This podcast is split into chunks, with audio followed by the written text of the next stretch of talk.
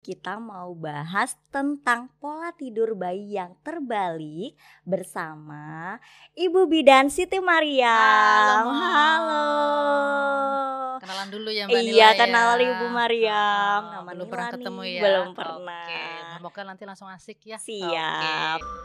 Oke. Sehat Ibu. Alhamdulillah sehat Mbak Nila. Mbak Nila gimana? Alhamdulillah sehat juga. Oke, Terima kasih ya. ya Bu sudah menyempatkan waktunya ke sini. Kita Oke, ngobrol-ngobrol bareng. ya, ini temanya tadi apa ya Mbak Nila ya? Iya, ini tadi temanya tentang pola tidur bayi yang Hmm, terbalik hmm, nih, hmm, Bu. hmm, Nah, ini pasti oke. kan banyak banget Hmm, pertanyaan ya, tapi Iya. ini kita bahas satu-satu nih ya, Bu Oke, ya. siap Mbak Nah, sebenarnya nih, Hmm. Bu, tentang pola tidur bayi yang Hmm. terbalik tadi, Hmm, manfaat tidur untuk bayi itu sendiri itu seperti apa? Terus dia tuh ngaruh nggak sih untuk perkembangan ataupun pertumbuhan bayi? Oke, Mbak Nila udah punya anak ya? Udah. Gimana tidurnya gimana dulu cerita dulu deh. Cerita dulu ya. Heeh, Jadi heeh. waktu lahiran ya, Heeh. new moms waktu Heeh, itu heeh. ya.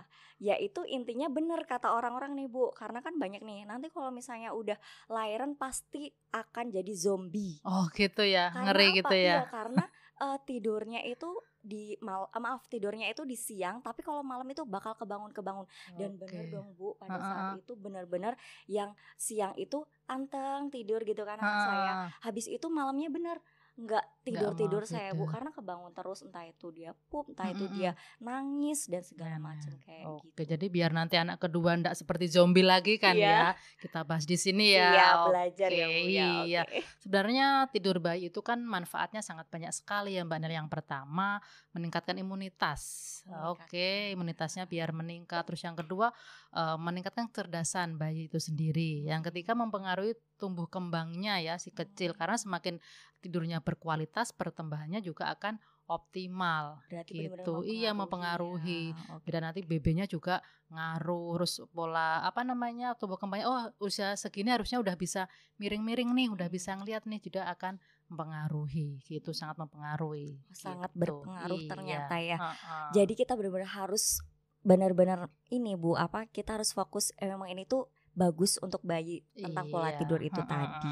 gitu Nah, gini kalau misalnya mam, eh, new moms kayak tadi Mm-mm, saya ya bu ya karena itu tadi eh, siang dia tidur malam itu eh, aktivitas Mm-mm. dan terbalik seperti ini Mm-mm, ya itu tuh dia sebenarnya penyebabnya apa sih kok bayi itu seperti itu Sebenarnya yang pertama bayi itu kan masih adaptasi tuh Mbak. Jadi setelah kan di dalam kandungan itu yang ada ra- ada ketuban ya di rahim itu dia Mm-mm. nyaman, enak gitu kan. Begitu dia keluar eh, di dunia, istilahnya kita lihat lingkungan sekitar, udah beda Heeh, gitu udah ya. beda. Jadi masih adaptasi ini ini ini aku belum tahu nih siang atau malam kayak gitu. Hmm. Apalagi oh lingkungan yang kurang mendukung. Kadang kan ada yang jenguk-jenguk gitu ya, Mm-mm, masih kan ini ramai di ya. masih jenguk. Terus pola kebiasaan pas hamilnya suka tidur siang apa tengah malam itu masih ke bawah. Jadi ke bawah setelah dia lahir. Jadi yang paling penting itu faktornya adaptasi dulu setelah lahir itu sejak dari dalam rahim itu sudah mulai dibentuk sebenarnya itu. Jadi adaptasi kebiasaannya adaptasi itu. itu tadi Iya, ya. masih ada yang mengganggu tidak tidurnya, ada yang oh udah udah mulai nyaman nih tidurnya Hmm. seperti itu, Mbak Kalau kayak gitu tuh butuh Mm-mm. eh, sampai usia berapa sih Bu kita harus melewati fase yang itu tadi eh, tidur anak bayi yang Mm-mm. terbalik itu tadi. Rata-rata yang terbalik itu mulai satu bulan udah mulai nyaman ya, tapi ada juga yang dari lahir itu udah mulai oh udah biasa aja tuh ada momi-momi yang eh, tidurnya dedeknya itu udah udah ndak perlu siang malam siang malam maksudnya ndak kebalik itu ada juga.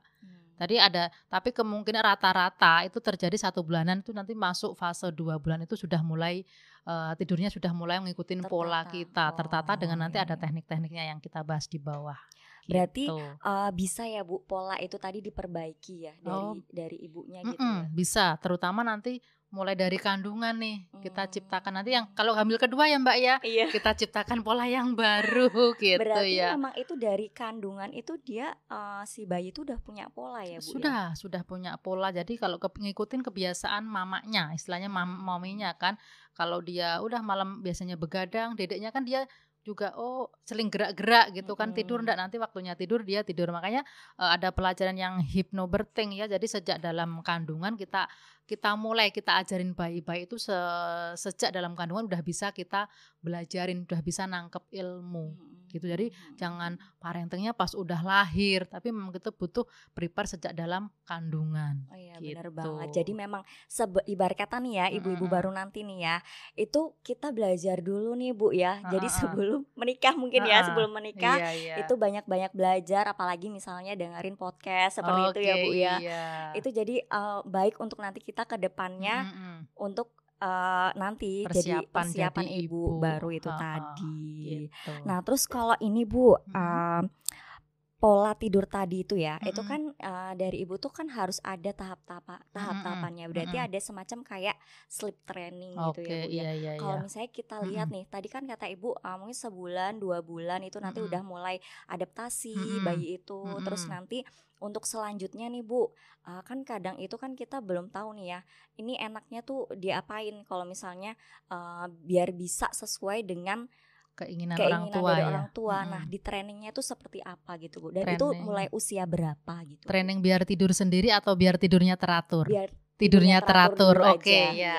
Jadi kalau biar tidurnya teratur, kita lakukan pembiasaan. Jadi kan eh, contohnya satu itu eh, dengan pijet dulu sebelum tidur. Hmm, Nah, pijet dulu ya sebelum tidur pijet-pijet ringan. Nanti kalau eh, bisa datang ke terapis biar diajarin. Yang kedua, kita buat nyaman dulu lingkungannya. Jadi lingkungan seperti oh kita redupkan lampu. Lampu. Heeh, terus bisa kita dengarkan musik. Kalau yang muslim seperti kita bisa murotal, tapi bisa Murotal. juga musik klasik, musik yang nyaman buat baby. Iya. Terus kita ganti dulu diapesnya biar nyaman. Kita perbaiki pola diri kita oh ya, biar dari tahu oh ini loh berarti sudah mulai lampunya redup nih berarti aku waktunya tidur, nih gitu jadi jangan oh tengah malam mau tidur lampunya terang dikirain dia masih siang, Masih siang, iya masih adaptasi gitu jadi mulai sejak eh, lahir pun kita sudah mulai melakukan pembiasaan biar Mm-mm. tidurnya teratur Berarti memang gitu. harus ada kebiasaan ya Bu dari awal. Pantesan Bu waktu itu nih Bu, ini kan Mm-mm. eh, ini ya pengalaman Bu, ya pengalaman. Heeh. Jadi anak saya itu tidur kalau dikipas-kipas gini loh Bu pakai No, Mbak, kipas, kipas tangan ya bukan kipas sate kipas tangan tapi kipas ini loh bu apa bantal yang kecil Oh, itu iya, karena iya, dia iya. emang dibiasain Heeh. pada saat itu Heeh. sama uh, mbak gitu kan Heeh. bu digini-giniin terus dia tidur sampai sekarang, Sekarang, jadi kayak nah, gitu karena eh, dari training keenakan ya keenakan. sleep trainingnya gitu harus ya dari awal memang sesuai Mm-mm. itu ya bu Iya, ya. yang bermanfaat istilahnya. Ada juga yang eh, pegang-pegang boneka, guling. Anak saya yang pegang Oh, boneka. iya. Jadi kalau tidak harus gini-gini ya, pegang rambutnya boneka gitu. Itu kan pembiasaan. Harusnya Pembiasaan itu tidak tadi. perlu pembiasaan yang istilahnya nanti susah untuk disapih. Pembiasaan itu susah. Anak jenengan sekarang masih. Nah, itu susah nyapihnya ya. aduh ya lagi belajar disapih sih bu kayak nyapihnya nyapih kebiasaan ya. Bener banget, bener Gitu. banget. Terus kalau ini bu kan sekarang Mm. itu yang lagi hits nih ya, Mm-mm. kayak eh, cara parentingnya Nikita Willy. Hmm, mm, Nah mm. itu tuh dia eh, trainingnya dia itu membiasakan bayi itu Mm-mm. eh, tidur terpisah. Jadi eh, mungkin ke depannya eh, ingin nanti anaknya itu lebih mandiri dan dari bayi itu dia bisa Mm-mm. tidur sendiri gitu ya. Mm-mm. Bu. Oh ya yang biasa sleep training ya. Heeh, Jadi membiarkan bayi tidur sendiri. Iya. Nah, itu memang eh, ada Kalau ya. Boleh-boleh saja tapi eh, dengan ada catatan ya. Eh, kalau kita orang Jawa mungkin oh masih masih apa namanya masih oh ini enggak tega tega. gitu ya. Sebenarnya sleep training boleh dimulai eh, kalau Dari menurut usia penelitian udah mulai empat bulan itu udah boleh. Oh, Yang penting kan eh ya karena dianggap empat bulan itu sudah ndak nenen kuat. Ndak nenen itu sampai 6 sampai 8 jam itu udah udah bisa gitu Mbak. Jadi Hmm. oh ndak nanti kan kalau tidur malam itu biasanya sampai 6 8 jam baru kebangun. Tapi kita harus tega. Tapi kalau sejak dini mau di sleep training itu boleh dengan catatan pemantauan berat badannya oke, tidak ada indikasi sakit itu boleh. Tergantung nanti kondisi bayi sendiri. Hmm. Semakin dini kalau keadaannya oke, boleh-boleh aja yang penting kita tega gitu ya. Maksudnya kan kita membiarkan bayinya tidur sendiri tanpa pupuk, Iya, neneknya juga ah, pasti eh, apa namanya nanti neneknya gimana pikiran kita kan jadi ke mana-mana. Tapi kita harus niat dulu lah ya. Jadi kita harus niat dulu oh bayinya nih oke nih. Memang tidak langsung bisa set gitu ndak mameng masih berproses. Oh yang awalnya pas nangis aja kita tengok. Hmm. terus yang kedua, ya, ya. yang kedua nanti pas kita harus tega nih, kita cuma nengok-nengok aja dia nangis, kita nengok berdiri gitu. Terus lambat laun bisa jadi kita kalau pas nangis kita pupuk sebentar, terus Hmm. lama-lama dia akan sendiri. Lama-lama juga akan tidak bisa yang langsung set satu dua hari tunda itu perlu berproses, Berproses, gitu. ya. Oke, oke baik Bu. Tapi di situ Bu, eh, jadi kan kita bisa tahu nih ya. Oke, Mm-mm. ini waktunya bayi itu tidur. Mm-mm, Itu tadi kan kata Ibu mm-mm. dari lampu dan sebagainya. Tapi kalau misalnya belum Mm-mm. ngantuk nih Bu, Mm-mm. kita kan jadi pengen tahu kan sebenarnya bayi itu kita bisa tahu ngantuk itu seperti apa gitu. Tandanya ngantuk ya, Tanda-tandanya, iya. Yang pertama diindikasi menguap ya, Mm-mm. oke. nggak jauh beda sama orang kita. Jadi eh, orang dewasa jadi yang pertama menguap, yang kedua rewel-rewel, ya Hmm, kan? kayak Mungkin iya. iya mungkin oh, udah ngereyok ke mana-mana dia apa-apain nggak bener, nggak beneran gitu kan. Iya, iya, Dia iya. ciri-cirinya salah satunya terus dia eh, mulai eh, kayak nyari nenen, maksudnya Hmm, eh, kayak kalau yang dusel-dusel gitu, gitu. gitu. Salah satu Oke, cirinya oke. bayi kalau mau ngantuk itu yang sering eh, datang itu biasanya ngereyok ya, rewel atau Rewel. eh, apa namanya menguap itu yang tanda-tanda dia eh, tanda pas ngantuk gitu. Hmm, Kan ada juga ya Bu ya istilah sleep hygiene gitu kan. Mm-mm. Nah, itu tuh sebenarnya kalau sleep hygiene itu tuh kegiatannya apa sih eh, eh, untuk sleep hygiene ini apakah Mm-mm. dia harus bersih-bersih dulu atau Mm-mm. gimana atau ngaruh nggak sih ke kualitas dari tidur bayi itu? Oke, ngaruh ya. Sleep hygiene itu menjaga kebersihan sebelum tidur itu pembiasaan juga, tapi pembiasaan yang eh, baik ya istilahnya, bukan yang tadi kita kayak anak kita Iya. wel-wel gitu ya. Jadi Unik disiapkan. kalau itu Bu ya, unik. Jadi eh, dibiasakan dulu sebelum tidur. Oh kita oh ganti diapers, Nah, Iya. ganti diapers dulu, nyaman dulu. Terus kasurnya kita Bersihkan. tebal kita bersihkan terus pakai eh, minyak mungkin minyak aromaterapi gitu ya. yang lebih harus minta, mungkin minta minta eh, pakai oil yang dari doodle kayak Iya, gitu ya gitu. jadi biar lebih nyaman lagi tidurnya Mm-mm. jadi memang pembiasaan-pembiasaan yang positif Oke, gitu Oke, oke baik deh kalau gitu Bu. Mm. Tadi karena sudah uh, nyinggung-nyinggung doodle. oh iya gimana ini Iya, karena ini ada produk oh baru nih iya Bu. Nih, heeh. ini ada Doodle Daily Baby Lotion. Nah, baru nih ya Mbak Nila Iya, ya. Jadi Doodle Daily Baby Lotion ini. Bu, dia efektif mempertahankan kelembutan alami kulit bayi Mm. dengan memberikan kelembapan dan nutrisi menggunakan formula natural active ingredients. Ada sea butternya juga, sunflower oil, ada almond oil dan vitamin E yang dapat aman diaplikasikan pada tubuh dan wajah bayi. Oke. Jadi kandungan Mm-mm. butternya ini Terus almond oil, sunflower oil, dan vitamin E ini mampu melembabkan kulit bayi, menutrisi dan meregenerasi kulit bayi agar tampak cerah dan kenyal. lebih glowing ya Mbak ya Iya, antiinflamasi Oh juga iya, Bu. bagus. Terus Oh. melindungi kulit Mm-mm. dari bakteri yang menyebabkan penyakit seperti bisul dan impetigo. Bisa menyamarkan bekas luka pada kulit bayi juga. Hmm. Terus melindungi kulit bayi dari kerusakan akibat radiasi UVB. Nah, Doodle Daily Baby Lotion ini didesain memiliki tekstur dan wangi yang super lembut sehingga memudahkan terap untuk mudah teraplikasi di kulit bayi dengan wangi yang menyenangkan. Nah, gunakan Doodle Daily Baby Lotion ini setiap hari saat di rumah atau saat bepergian untuk mempertahankan kelembutan alami kulit bayi. Doodle Daily Baby Lotion ini bisa didapatkan di official marketplace Doodle eksklusif. Jadi bisa langsung diorder. Oke, manfaatnya luar biasa Manfaatnya ya. bagus Oke, banget, jadi Bu. harus ready nih ya. Sebentar lagi Mbak Mila langsung order ya. Iya, Oke. nunggu uh, program Launching lagi ya, Bu ya. ya. Oke. Udah mulai komplit Oh loh iya doodle, iya iya. doodle ini. Oke ya. Banyak produk-produk baru. Nanti Mom silahkan diorder ya. Silahkan diorder. Oke. Oh iya, uh, Bu, ini nih, uh, kalau Mm-mm. ini tuh moms ya, jangan lupa untuk ngikutin Moms Talk ya, karena Moms Talk ini ada di YouTube, YouTube. ada di Spotify, ada di Apple Podcast dan Noise. Jadi Oke. banyak banget nih Bu Mm-mm. uh, video-video yang ada ada di YouTube, jadi bisa di scroll, dilihat satu-satu karena sangat-sangat bermanfaat sekali. Iya. apalagi ibu-ibu muda kita bisa upgrade ilmu dan juga uh, bisa untuk saling sharing gitu ya bu ya karena bener loh bu kalau misalnya apalagi new mom ya Mm-mm. itu tuh bener-bener kalau misalnya nggak ada teman sharing itu tuh kayak bingung Stres harus ya. apa Mm-mm. stres terus kayak jadi kayak gelisah terus kayak Bingung. apa-apa dikit itu takut Pengen nangis apa-apa ya. dikit pengen nangis kayak Jatuhnya gitu ada yang itu ya baby, blues. seperti itu Bu. Aduh itu pengalaman di anak pertama tapi mudah-mudahan untuk Heeh. anak selanjutnya ya. Jadi udah belajar nih Iya. apalagi sa- belajar sama Bu Mariam Iya. jadi bisa untuk lebih tenang lagi, Iya, kalem lagi karena sudah upgrade belajar. ilmu tadi Iya, belajar jadi ya, Bu, momen-momen ya. jangan lupa ya. Nanti silahkan di scroller video-video YouTube dari Iya, Doodle banyak eksklusif. banget. Apalagi ada Bu Oke. Mariam Iya banyak, banyak ya. juga. Oke, nanti kalau ada pertanyaan di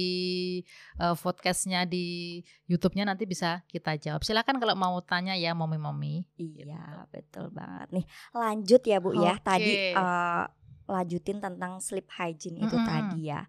Sebenarnya apa aja kegiatan yang bisa dilakukan dalam sleep hygiene ini? Hmm. Apakah kayak pijet bayi itu tadi Mm-mm. atau apa gitu Bu? Boleh dijelaskan lebih jelas lagi? Oke, boleh ya. Jadi untuk mempersiapkan biar intinya kualitas tidurnya lebih oke lagi. Iya, betul, boleh dipersiapkan untuk sleep hygiene-nya. Yang pertama boleh nanti eh, di apa namanya disipin pakai air hangat dulu. Jadi sebenarnya penggunaan eh, mandi ada beberapa jurnal atau yang sudah dilakukan di luar negeri itu malah sebelum tidur itu dimandiin dulu, tengah Hmm. malam dimandiin. Malam-malam Iya, Bu ya tapi kalau di kita masih pamali ya, Iya sih. mau tidur ngapain dimandiin. Paling enggak kita Mm-mm. sibin. Sibin dulu, pakai air hangat dulu, ganti diapes, nanti olesin, Mm-mm. pijet lembut salah satunya ya, pijet lembut, pijet ringan saja. Terus nanti nenen, bersihkan tempat tidur, pakai diffuser aromaterapi, lampunya diredupkan, Mm-mm. setelin musik klasik atau musik murotal boleh. Itu langkah-langkah yang bisa mendukung untuk uh, tidurnya, sleep uh, itunya. berkualitas itu tadi ya Bu ya. Jadi gitu. memang berarti kebanyakan kalau untuk eh, tidur yang berkualitas itu kayak kebanyakan malam hari ya. Iya, lebih ke malam Lebih ke hari malam. karena durasi tidurnya lebih panjang ya, malam sama Mm-mm. siang. Jadi itu untuk kasus-kasus yang sudah tidak terbalik ya. Jadi mulai Hmm. dimulai sejak dini biar nanti tidurnya berkualitas. Jadi kita juga enak mominya eh, tidurnya enak tidak terganggu, dedeknya rewel Mm-mm. tadi kan, Mbak. Iya, Gitu. Tapi ada juga yang bingung Mm-mm. Bu karena kan itu tadi ya untuk eh, kualitas tidur tadi di malam hari tapi itu tadi Bu masih bingungnya dia kalau malam hari kan kadang bayi itu masih nenen. Mm-mm. Nah, itu gimana nih Bu? Mm-mm. Eh, bi- dibiarin gitu aja sampai dia tidur pulas atau tetap dibangunkan untuk kita nenenin gitu enaknya Bu. Oke, jadi kita ada pantauan juga ya. Eh, Pas bayi lahir itu kan pasti beratnya umpamanya dua setengah. Mm-mm. Terus harusnya kan dalam satu bulan pertama mengalami kenaikan. Kalau harusnya kan idealnya tiap dua jam nenen, dua jam nenen, pipisnya minimal enam kali, BB-nya naik itu kan udah oke. Dengan kasus-kasus yang udah eh, biasanya kalau satu sampai tiga bulan itu masih dibangunkan, Mbak. Jadi masih Hmm. dibangunkan untuk menyusu. Tapi kalau udah empat bulan kan udah tahan ya. Dia itu ndak nenen selama 6-8 jam itu udah tahan karena ada cadangan asinya itu ndak apa-apa ndak dibangunkan. Tapi kalau apa, tapi dengan catatan kalau BB-nya oke ya sesuai dengan KMS-nya oke. Tapi kalau udah empat bulan tapi ternyata dia BB-nya belum kekejar itu masih harus dibangunkan nenennya. Terutama dua jam nanti ada teknik-tekniknya. Oh harus dipakai pumping, dikasihkan tambahan lemaknya dari asinya seperti itu. Kita lihat dari kenaikan berat badan dan kekesehatan bayinya juga Berarti perlu. itu berlaku juga nggak Bu untuk prematur? Kan tadi soalnya Mm-mm. ngejar ke berat badan Mm-mm, ya. Itu ngaruh juga. Apa Iya. maksudnya tuh eh, seperti itu tuh berlaku juga cara seperti itu Oh, untuk iya. bayi prematur. Eh, apalagi bayi-bayi prematur ya kita harus ngejar berat badannya biar nanti eh, target dulu minimal kalau dua setengah itu kan sudah oke kalau dua setengah ke bawah itu kan prematur biasanya entah lahirnya kurang bulan atau cukup bulan tapi berat badannya kurang jadi dengan kasus berat badannya yang kurang kita tetap perlu membangunkannya Hmm. tapi kalau dengan berat badannya sudah cukup tidak ada masalah di kesehatan biarkan dia semaunya neneknya Oke, oke. gitu. Berarti ya eh, itu tadi ya Bu ya Mm-mm. sampai usia 4 bulan Mm-mm. itu tadi masih masih dibangunkan dibangunkan. Tapi Mm-mm. tuh Bu Mm-mm. pengalaman anak saya ya Bu ya itu tuh malah sampai tiga tahun Bu. Jadi setiap karena anak saya tuh kan pakai dot nih ya. Mm-mm. Nah itu tuh sampai tiga tahun tuh masih kebangun-bangun. Jadi kayak Mm-mm. belum ngalamin yang sleep hygiene atau ngalamin tidurnya yang tidur yang gitu ya berkualitas Heeh. kayak gitu masih kebangun. Akhirnya sampai usia mau menuju ke empat tahun Mm-mm. itu baru uh, bisa ngerasain yang oke tidak bangun lagi terus Mm-mm. bangunnya udah pagi hari. Terus itu dari siangnya juga perlu dievaluasi. Siangnya dia tidur ndak, terus sorenya dia tidur Tiduran ndak, terlalu banyak minum ndak. Sebenarnya kan kalau mau tidur itu salah satu sleep hygiene juga jangan terlalu kenyang banget gitu Hmm. kan. Nanti kalau itu kan eh, bikin asam lambungnya ya, jadi terlalu terlalu kekenyangan juga tidak baik. Jadi kadang malah bangun-bangun lagi. Iya, Ya harus iya. tidurnya jangan pas eh, sore mungkin waktunya main malah dia tidur akhirnya maghrib maghrib baru bangun. Nah akhirnya malam-malam kebangun juga. Nanti tapi sekarang udah oke ya tidurnya udah ya. sekarang Oke. udah, uh, Udah, pagi, uh, heeh. malam terus habis itu tidur pagi-pagi udah bangun jadi Nah. nggak kebangun sama Mm, sekali mm, mm, mm. bahkan pipis pun itu Mm-mm. juga nggak nggak ngompol lagi gitu ya karena udah usia empat Oh tahun iya ya ya iya iya oke gitu. terus sebenarnya apa yang harus kita lakukan uh, bu kalau misalnya memang terjadi itu tadi Mm-mm. uh, kalau bayi itu maunya kebangun malam hari selain evaluasi itu tadi bu evaluasi yang penting eh, jangan panik ya. Nah Mm, eh, dan yang paling penting lagi kita belajar sejak dari hamil. Oh, Oke, dari hamil itu hamilnya ya. kita prepare. Kita ada kelas Prepare, hypnobirthing. Jadi kita selalu ajak komunikasi bayi. Contohnya gini, adik, kalau sudah lahir, waktunya nenen-nenen, waktunya bangun-bangun ya. Jadi nanti akan ngikutin polanya. Banyak dari ibu-ibu yang anaknya itu sudah ndak ndak begadang. Ternyata resepnya salah satunya kita sering ajak Sering komunikasi, komunikasi belajar sejak dari dalam kandungan ya. Jadi kandungan. ya udah dia waktunya nenen nenen aja bang Sudi ndak perlu yang bangunin bayinya ndak perlu. Jadi kita persiapan sejak dalam kehamilan. Atau aduh aku belum persiapan kehamilan nih tahu-tahu udah hamil, eh udah melahirkan gimana? Ndak perlu bingung ya, kita jalani dengan ikhlas ya. Jadi semangat ikhlas, semangat ya. Bunda. Nanti ndak lama kok. Nanti eh, satu bulan itu insya Allah sudah akan semakin membaik dengan kita terapkan tips-tips tadi ya. Dipijit eh, secara lembut, nanti diganti diapesnya, nyalain lampu yang redup, eh, terus dinenenin itu akan membantu meningkatkan kualitas tidur dan mengurangin yang eh, pola tidur terbalik tadi Iya, gitu. Jadi yang penting sabar dulu ya. sabar dulu berarti tips dari uh, bayi tidur nyenyak itu tadi ya udah langsung dijawab Iya. sama Ibu Mariam padahal tadi Oke. saya mau nanya Oke, lebih oh detail iya. tips tidur nyenyak untuk bayi itu tadi yang penting Oke. uh, yaitu dia ya Bu ya kayak Mm-mm. Udah kenyang Mm-mm. terus uh, tadi melakukan nyaman, nyaman Mm-mm. melakukan sleep hygiene itu tadi terus Mm-mm. uh, sleep training itu tadi Mm-mm. sehingga bayi itu bisa tidur dengan nyenyak dan uh, memiliki kualitas tidur yang baik karena kualitas tidur yang baik itu sangat sangat berpengaruh, Berpengaruh ya, ya untuk tumbuh untuk kembangnya si perkembangan maupun kecil. pertumbuhan si kecil gitu ya Mams ya mudah-mudahan apa yang kita perbincangkan pada hari Oke, ini iya. itu bermanfaat Untuk untuk moms mommy di di rumah atau rumah. di mana pun berada. Jangan lupa juga untuk order uh, doodle di marketplace doodle eksklusif di official store kesayangan moms semuanya. Gitu Ibu Mariam kayaknya Heeh. semua pertanyaan udah terjawab ya moms ya. Mhm. Kalau misalnya mungkin ada pertanyaan-pertanyaan lainnya bisa langsung nanti tanya langsung ada di Instagramnya Doodle juga ya Oke, Bu ya iya. atau bisa langsung juga karena Ibu Mariam juga punya praktek ya Iya, iya, iya. punya praktek bisa langsung juga ada Instagramnya juga Ibu Iya. Mariam gitu Oke, nanti ya. bisa yang masih bingung gimana Mm-mm. pertanyaan bisa diajukan di Doodle X Flip atau bisa eh, di IG saya juga. Iya, gitu. oke siap. Gitu ya, Mams. Terima kasih banyak atas waktunya. Mudah-mudahan kali ini bisa bermanfaat untuk semuanya. Terima kasih dari kami. Wassalamualaikum warahmatullahi wabarakatuh. Sampai ketemu lagi dah, Mom.